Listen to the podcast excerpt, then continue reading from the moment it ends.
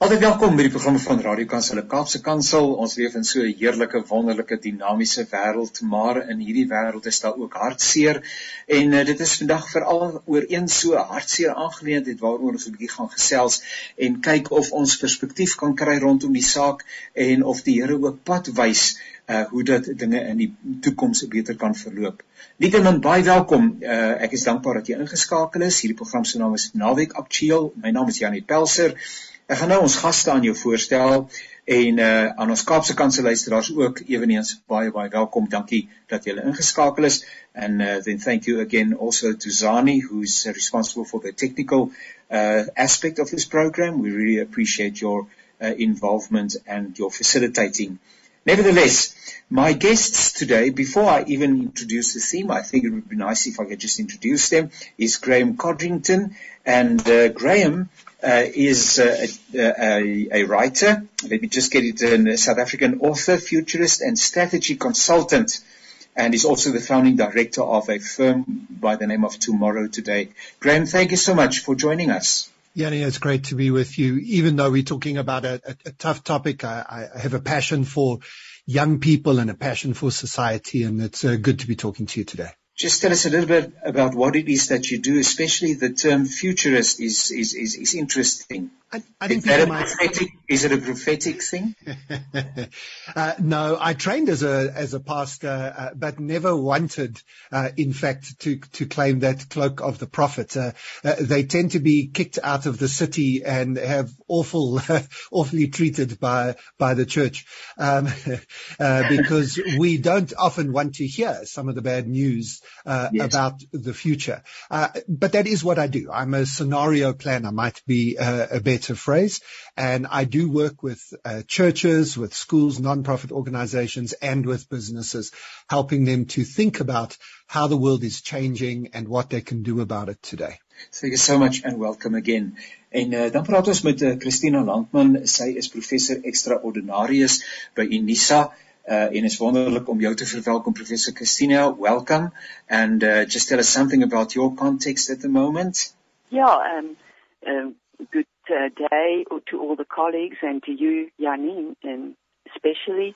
I am a pastor also in a congregation in Rustenburg and involved in uh, several congregations of the Uniting Reformed Church um, around, uh, you know, in in and around Sun City, uh, rural congregations, and um, yes, I have a passion for the youth, but I think they are really it's not easy to be young at the moment. It's also not easy to be a parent at the moment.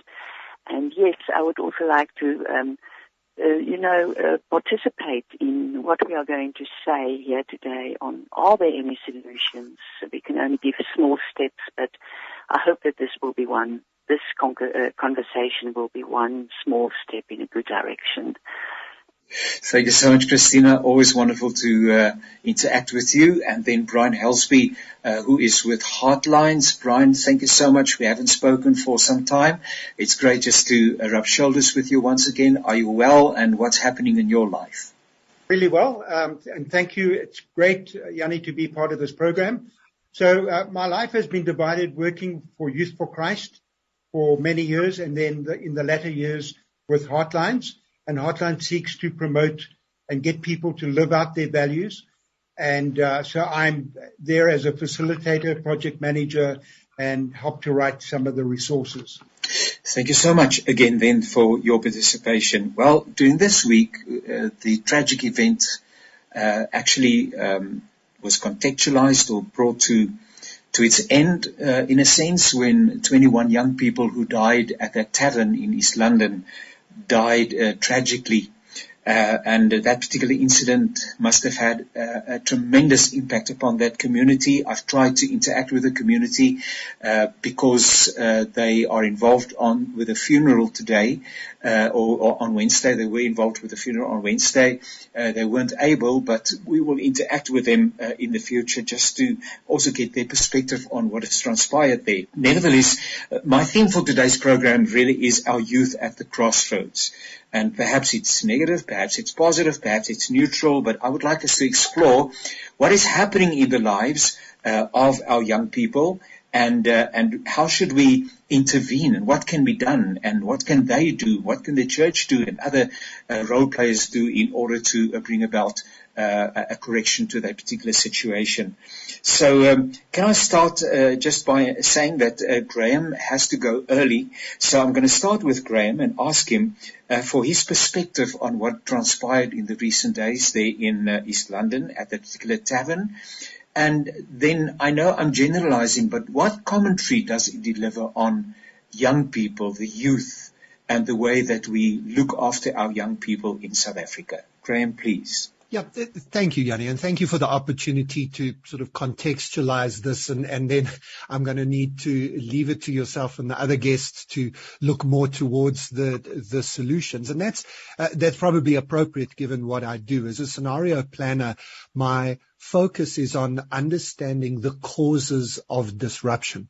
And for many years, obviously, one of the biggest issues disrupting the type of society that we want to have in South Africa is, is the issue of unemployment. And, uh, you know, I, I think that we were designed for work. Work is meant to be something that brings dignity, that brings enjoyment, uh, and that allows us to express and fulfill ourselves. Uh, and when people don't have employment, it's not just an economic issue. It's a, it's a psychological issue. It's a social issue and it affects every part of a person and a community. And throughout history, people when they reach a point of hopelessness or, or a point where they feel they don't have dignity and fulfillment, uh, they have moved to trying to take their those depressing feelings away using drugs and alcohol. And this has been throughout history. This is not a cultural phenomenon only for one or, or, or, two cultures. It's not only for one moment in time. And that's, I think, the context of, of what we see in South Africa. So many people are, are desperate. Uh, they, they're desperate to try and survive, to get literally the basics of life. But more than that, they're also desperate because they don't see how it can end. They don't see what effort they can put in would make a difference. And I don't know these young people. I don't know these families. We're generalizing in this, but my guess would be that many of the young people around our country who, who use alcohol as a way of, of numbing maybe some of these issues that sit in their heads all day, every day. Um, it, it, it, it seems to me as, as if it's a logical outcome of the economy and the situation uh, in our society. And so to solve this, we, we mustn't just heap blame on the families uh, or the parents. We mustn't look down on, on people who are uh, making desperate decisions in desperate times, but we yes. must more see the circumstances in which they find themselves and use this tragedy to inspire us to do even more then then we have, or for some of us, to to do things that can stimulate the economy and provide the dignity of jobs and employment to to more people. So for me, I, I see it very much as as linked to our economy and and the unemployment. Graeme, just before you leave, uh, may I just ask you? Uh, I don't know whether it's a good question to ask, but how did we get here? Um, and, and, and the question of blame, it's not a question of blame, but it's a question of being realistic. Is this the fruit of, of what? Uh, so if we don't know where we come from and what gave, yeah. what, what causes this particular situation, how can we focus on the future uh, so that we do not um, simply duplicate the same mistakes or attitudes, whatever mm. we have. So mm. how did we get here to this very, very desperate situation in South Africa as far as our young people are concerned? Uh, this is a difficult question to ask someone who's about to leave the room, Yanni, because I'm going to say something that I guess uh, I, I, would love to stick around and, and defend. Uh, and, and, I, and I'm sure you'll pick up the conversation on this. But, you know, I, this is one of the big conversations in South African society uh, today. And I think the language that's often used is, is the language of white privilege uh, around, around thinking about how far back in time do we go to look for the answer to your question. Um, because at one level you can go back 24 years. All of the young people uh, who passed away this last weekend, they never lived in apartheid. They never experienced apartheid. And in fact, to be honest, some of their parents are young enough to not even remember uh, apartheid. Uh, we're a quarter of a century after the end of apartheid. So one answer might be it, it's the current government's fault. It's the current situation's fault. But I don't believe that. I, I believe that when you look back at how economic systems are developed, th- they take centuries to develop. And at, at the end of apartheid, we didn't, we drew a line under the politics, but we didn't engage with the economics. We didn't give yes. people their land back. We didn't give people the dignity of jobs. We didn't ensure that that would happen. Yes, lots of corruption has happened since then, but that doesn't change the fact that we didn't correct the problem. So I think a lot of these things can be traced back not just to look at the children and their parents and say that's the only thing for us to consider. But what about their grandparents and their grandparents before them who, who've never owned land, who've never been able to get a good job that could get them out of debt and start building generational wealth. And so, Yanni, this is a quintessential South African story of the fact that we have a lot of work to do to undo 300 years of, of making the problem. And we are seeing every day around us. Uh, sadly, this is not a, a once-off story in our country. Every day around us, we see the impact of uh, of 300 years of of difficulty uh, in in this country that require us not to throw blame around, not to say one person's the oppressor and the other person's the victim, but to just acknowledge that those of us who have privilege, whatever privilege that privilege might be, that we think of that privilege as a gift that we have been given. To, to use biblical language, we have been blessed in whatever ways we have blessing so that we can be a blessing to others. And, and that would be my message uh, to people. Think eh, no matter how much or little you feel you have, there is always someone in South Africa who has more than you and someone who has less than you. And if, if you can use the resources of the people who have more than you, access those and help to channel them through to the people who have less than you, I think we will slowly, slowly, but inevitably build uh, a better country. And, and, and the, the, lives that were lost last weekend are crying out to us, uh, to say, help us, um, and, and help those who, who remain. Graeme, thank you so much for your time. I really uh, understand that you have to go. I would love to connect with you again in the future, but have a wonderful day. Thank you. Nou dit was Graham Codrington en ons is baie dankbaar vir sy uh, uh inset. Hy's 'n uh, 'n toekomskundige, 'n strategiese konsultant en 'n klomp ander dinge.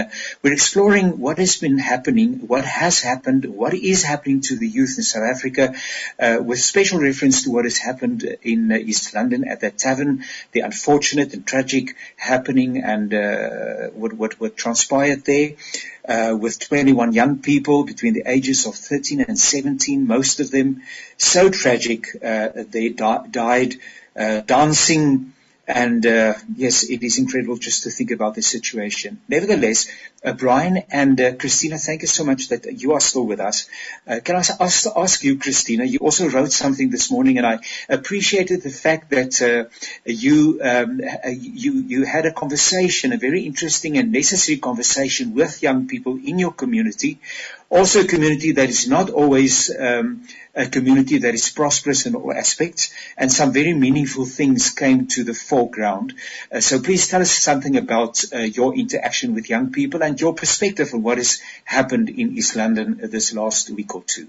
Um, Yanni, if I can just start a little earlier, we have done a lot of research in different um, peri-urban areas that we used to call townships with the youth, having conversations with them. Um, and almost every um, peri-urban area has different problems.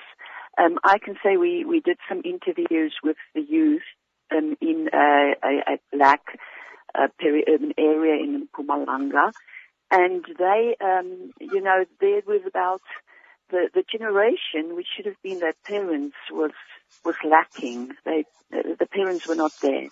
The parents uh, went off to try and work somewhere else, or there was a very uh, high HIV rate, um, infection rate. 48% of this specific community um, was uh, was infected by HIV. And the children, well, we first spoke to a youth who have been out of the trick for more than 10 years and not employed. And uh, then we spoke to younger children, with permission, of course, uh, who were like uh, grade, uh, like grade five and six, seven, um, where, and, and, and the young people, the very young people in the primary school, they had hopes and dreams that they wanted to become pilots, all kinds of fantasy um, uh, careers, you know, which children of that age have. But they also wanted to become doctors and and social workers to help this specific community. But those who were older, they were really hopeless, you know, and they didn't know where to turn to because now 10 years since they finished matric and they don't have work sure. and they can't work on a computer because that was not available at school. And, um, and then they turned to the church. Yes, some of them thought the church could help them, but the church is poor as well in such a community and uh, and, and then we moved, uh, and and it was you know it was and I must say it was it was even when we created some uh, uh, some work for them, they were uh, it is as if they were unable to uh, visualize themselves working, while in a neighboring um, uh, peri-urban area, um, were also uh, the people from the same race, and their parents were were working on the mines, were prosperous. And these young people did much better, you know, they were busy with tertiary education. They had facilities in the peri-urban area, uh, sporting facilities. Um, there was a much, much lower HIV rate. Um, and then, uh, then going to a, a congregation in, um, in, uh, Northwest, we find where I'm, pre- where I'm present with a pastor, uh, there you found again something else. You found that uh, there are strong families, mother and father, who strongly look out for their children, but that there are so many factors that so many people who, are, who have their eye on teenagers and young people as a source of, of making money through drugs and alcohol that the parents know very well they don't have the largest say in the life of their child the child is influenced by peer group, they are influenced by people selling drugs and liquor. They are also influenced by the hopelessness discourses of society that you must enjoy uh, life now um, because there's nothing in future to enjoy. And there you get um, very risky relationships. Uh, you get it's um, it's it's very very difficult for the church and for the parents to to have a, a strong a strong hand on these teenagers. So, it, what what causes teenagers and young people to fall into drugs and liquor? There's not no one answer. It is a, very difficult situation, so that it's very difficult for the church actually to um, to comply to what the youth actually want. In the one congregation, what they wanted was help with HIV. They wanted sport facilities. In another in another um, peri-urban area, they would say, "No, we want to do gaming. You know, uh, we're not, uh, you know, just building soccer fields is, is old-fashioned. We're not. That's not what's entertaining us anymore." So, um, to give one answer to to this whole scenario or these different scenarios, that's almost impossible. Almost impossible. Sure. So it's more, it's almost ter- territorial, uh, depending on where the people are and so on. Brian, uh, you've been patient and thank you so much. Uh, coming from Heartlines and again, you, uh, all, all the people that I'm speaking to, yourself and Christina and also Graeme, who had to leave us uh, have a real interest in young people, and I know that Heartlines has a heart for young people, especially your background with Youth for Christ. And uh, so I must, uh, I, I'm sure that you look at this particular situation with a lot of sorrow, in a sense, because you work with young people on a daily basis. What is your perspective on what has happened in East London and in terms of the status of young people in South Africa?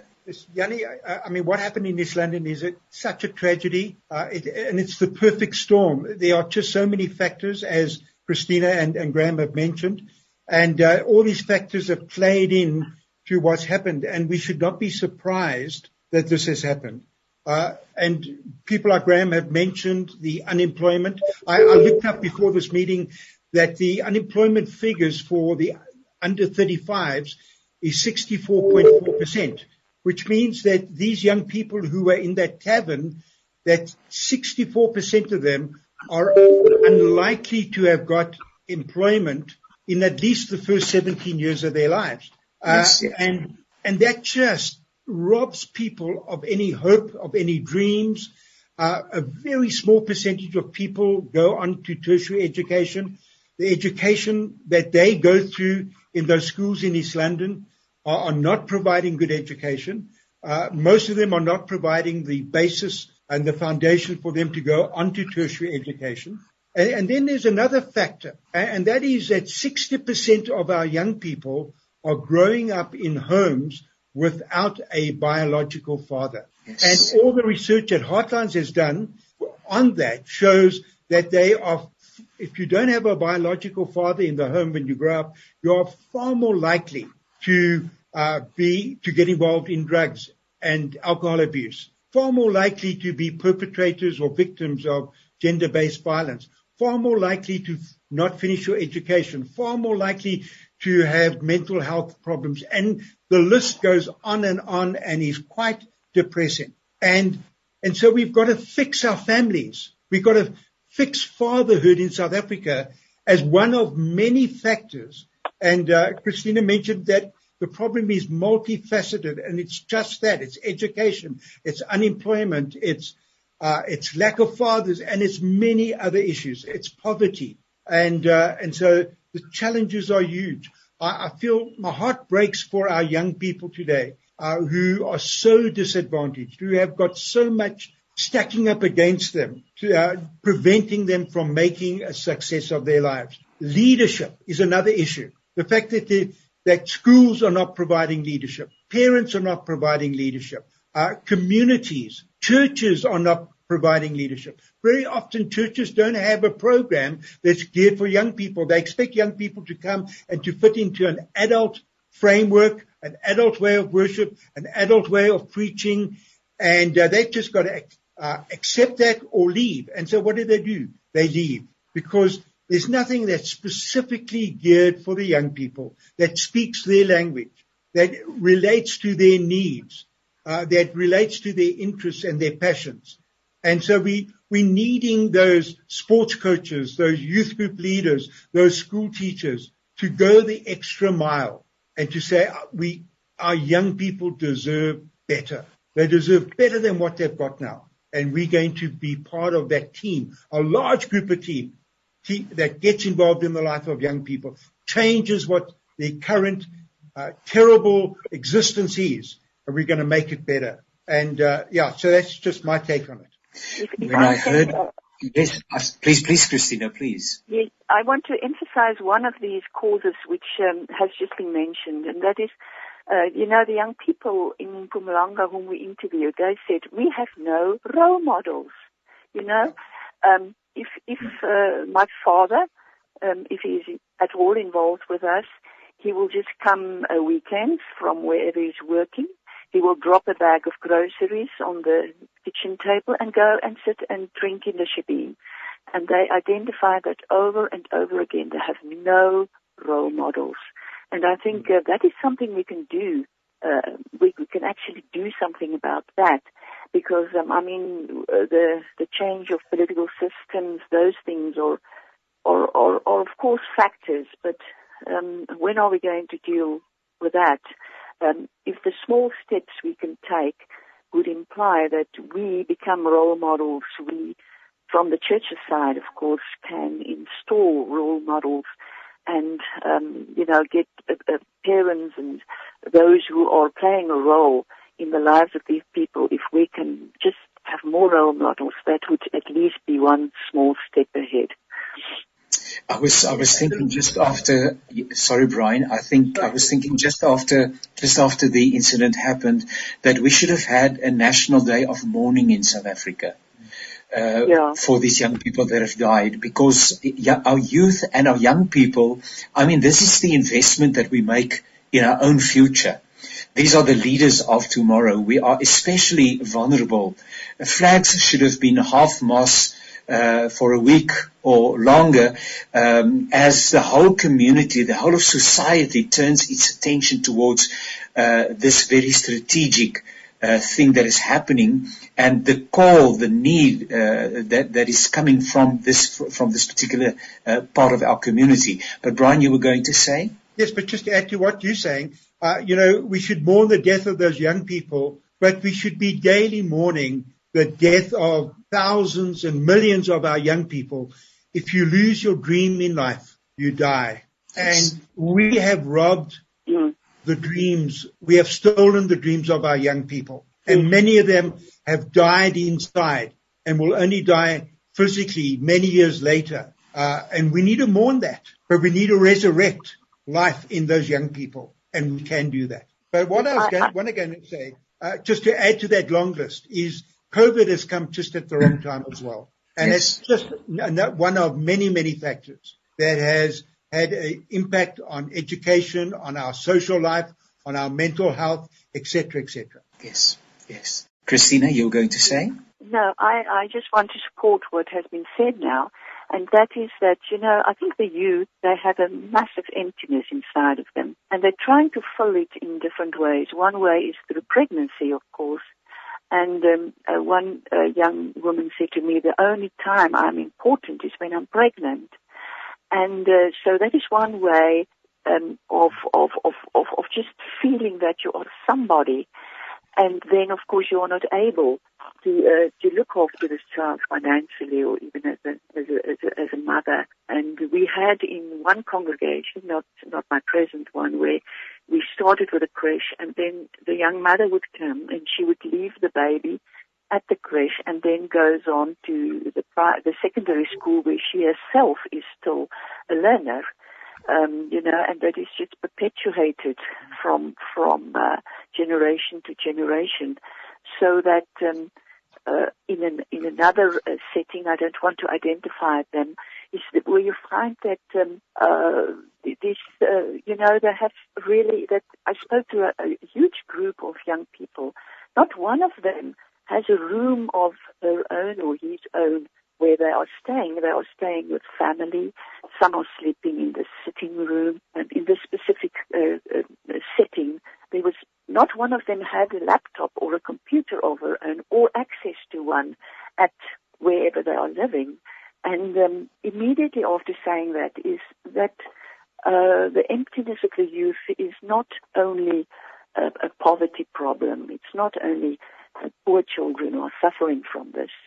Um, as I've mentioned in my article, often you find that the, the rich children who have moved out of the peri-urban areas to the to, to, to affluent um, areas, um, that they come to these, um, they come to the townships in inverted commas uh, for drugs and for for liquor because it's not allowed. The police won't allow these type of gatherings in in the um, in the places where they now live in the affluent areas, but in these non-affluent areas, they can uh, go on and use drugs, and they come with very uh, with their father's cars and very expensive cars, and and the police doesn't um, act in the same way in which they would act in an affluent area.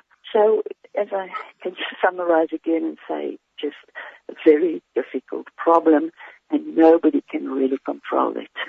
Is this void amongst young people? Uh, is it a? Uh, I don't know how to really verbalize it, but it's, is it a them and us situation? Is this, does it, is the void uh, can you see the void and uh, and discern the void with all young people in South Africa to a lesser or a larger degree, or is it like, for instance, somewhere where I saw there was uh, reporting regarding what transpired in East London, and I almost got a sense that this that this particular part of the South African community, in the way that they responded, it was it's not our young people, it's theirs.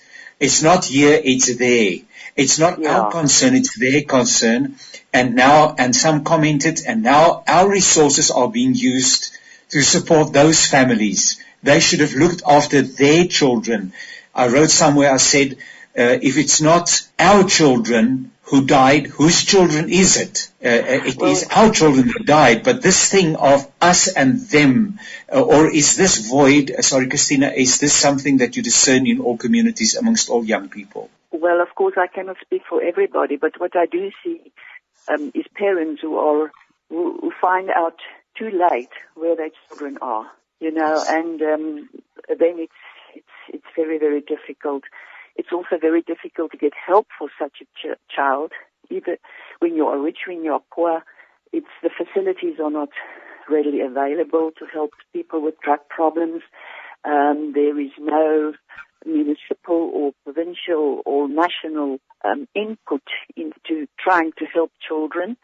Um, I think I heard over the radio a day or two ago how many people are actually, and it includes a majority of young people who are um, um, who are so depressed that they don't even want to live, and uh, there is no help for them.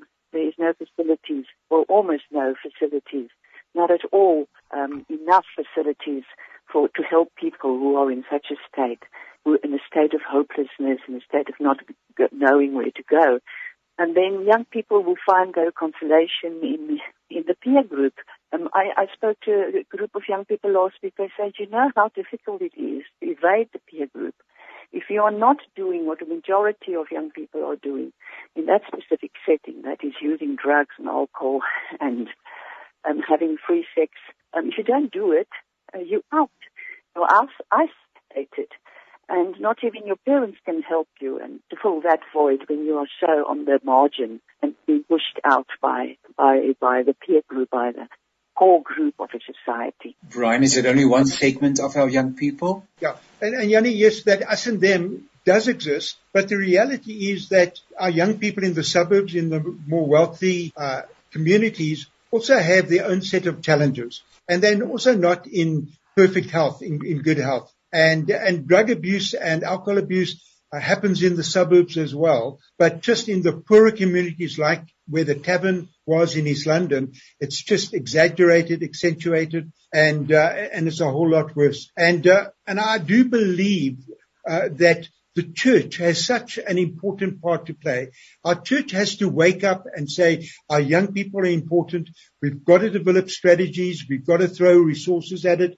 We've got to see that the youth work in our church is important and valuable. And uh, we've got to create pockets of hope uh, in our communities and in our churches. I had to um, um, pray with some students just when they were about to write examination here at a a type of a technikon or something similar in Krugersdorp just in the last week or two. And uh, they were about, I would say about 300 young people in the hall. Uh, they were writing an exam in N1 or N2, some qualification. Um, and um, uh, one of the young students who is the president of the students' body decided he's a Christian and he said, we want to do start something new. Uh, we've never prayed before in an examination but we have invited the pastor to come and pray with us uh, so that we will be strengthened, etc., etc., etc. Then he said, let us sing a hymn. Let's sing a song together. And the young people did not participate. It was like they didn't know the song or they were just totally, totally hesitant. And I know um, people to sing enthusiastically usually, but and so on. And then he's at the at the beginning he said, "Won't you just take off your head covering?" And it was to my, my, experience was that these young people do not have, have a connection with spirituality. I don't know whether I'm wrong, but it's like it's a generation that has lost their a connection to what the church was supposed to give them. So I don't know uh, whether I, I, was right in my discernment and what my understanding. But I came home and I told my wife, I said it was like these young people did not understand what was happening here, and they found it totally strange and removed from their uh, from their worldview. Uh, Christina. Yeah, as I maybe have mentioned earlier, is that we interviewed uh, uh, many, many young people during uh, some a year or two ago in Mpumalanga, and they um, and then eventually we asked them, please give us prioritize to us your needs. What do you need from the church? If the church had the money and the means to do something for the youth, what do you want from the church? And we had some spiritual assets, and we had some, um, you know, as I would say, material assets. And then they said no, they want uh, help with HIV, they want sport activities, they want um, uh, uh, they want um, uh, good schools, they want computers and things like that. And and then we asked about the spiritual things that the church can offer. And they said if the church can only offer that, they're not interested in the church. Um, it was quite a shock actually. But on the other hand, then you get uh, communities where, where young people they go to church for the praise and worship, um, not so much for the preaching, not so much for the rituals, but for the praise and worship, and that draws a lot of young people. But yes, as you have said, spirituality is different for them, uh, for what it was for us, you know. We, when you join a church or you grew up in the church, you have certain responsibilities towards the church. There's a certain spirituality with which you should identify. Um, but now I think it has changed in the sense that um, uh, you cannot just offer spiritual things to, to, to, young people when their material needs are so high. I always felt uh, that when you shared, uh, both of you and also Graeme, that uh, Lord Jesus, this is a good time for you to come back to earth. Uh, but uh, uh, perhaps He'll grant us the grace not to come so that we can address this in a meaningful way. So just uh, to close, uh, and, and, I think that uh, the, the, the, factors that you've mentioned are also areas that need attention. But perhaps in summary, what can be done, what should be done, and, and also Brian and, and Christina, what is available? Uh, what do we have? What resources are available that can be used and that can be directed towards the needs of young people? Brian? Yes. And, and there are there are things that are available, and there are churches that have got great youth programs yes. and can, you know, perhaps adopt other churches and train up other youth leaders. And there are organizations like SEO and Scripture Union, UCSA, Youth for Christ, uh, etc., et who are available and Heartlines has got a lot of resources for uh, youth groups as well, and that are all free and downloadable from our websites, and we can connect you with that. But I, I think that we, have just got to do better. The, the, pockets of hope, the youth groups that are going well, the churches that have got a youth emphasis, the churches that are packing young people and young adults in on Sunday nights or uh, whenever, uh, they need to be encouraged. They need to share what they're doing and how they're doing it and why they are so successful compared to other churches that are not doing well. Uh, I think that we mustn't get so discouraged and so despondent that we yes. throw up our hands and say nothing can be done. So much can be done, and we need to do it, and we need to do it now. I'm going to get an address uh, just from you, from you just now. But uh, Christina, what we, what is the next step uh, that we need to take, uh, and where do we uh, whose responsibility is it? Yeah, well, I may just mention one thing which may be totally inappropriate, but just I met with one church the other day, and what they do is they tell the youngsters that um, you know when you when you come to our programs or whatever we we um, we give at the church, we offer at the church, we are not going to register you. You don't have to be a member of this church. There's no registration. There's no compulsory um, money you have to pay. There's not that you have to be a member of this church or, or any of our, you have to register for any of our activities. Just come. Just come. Meet other people here.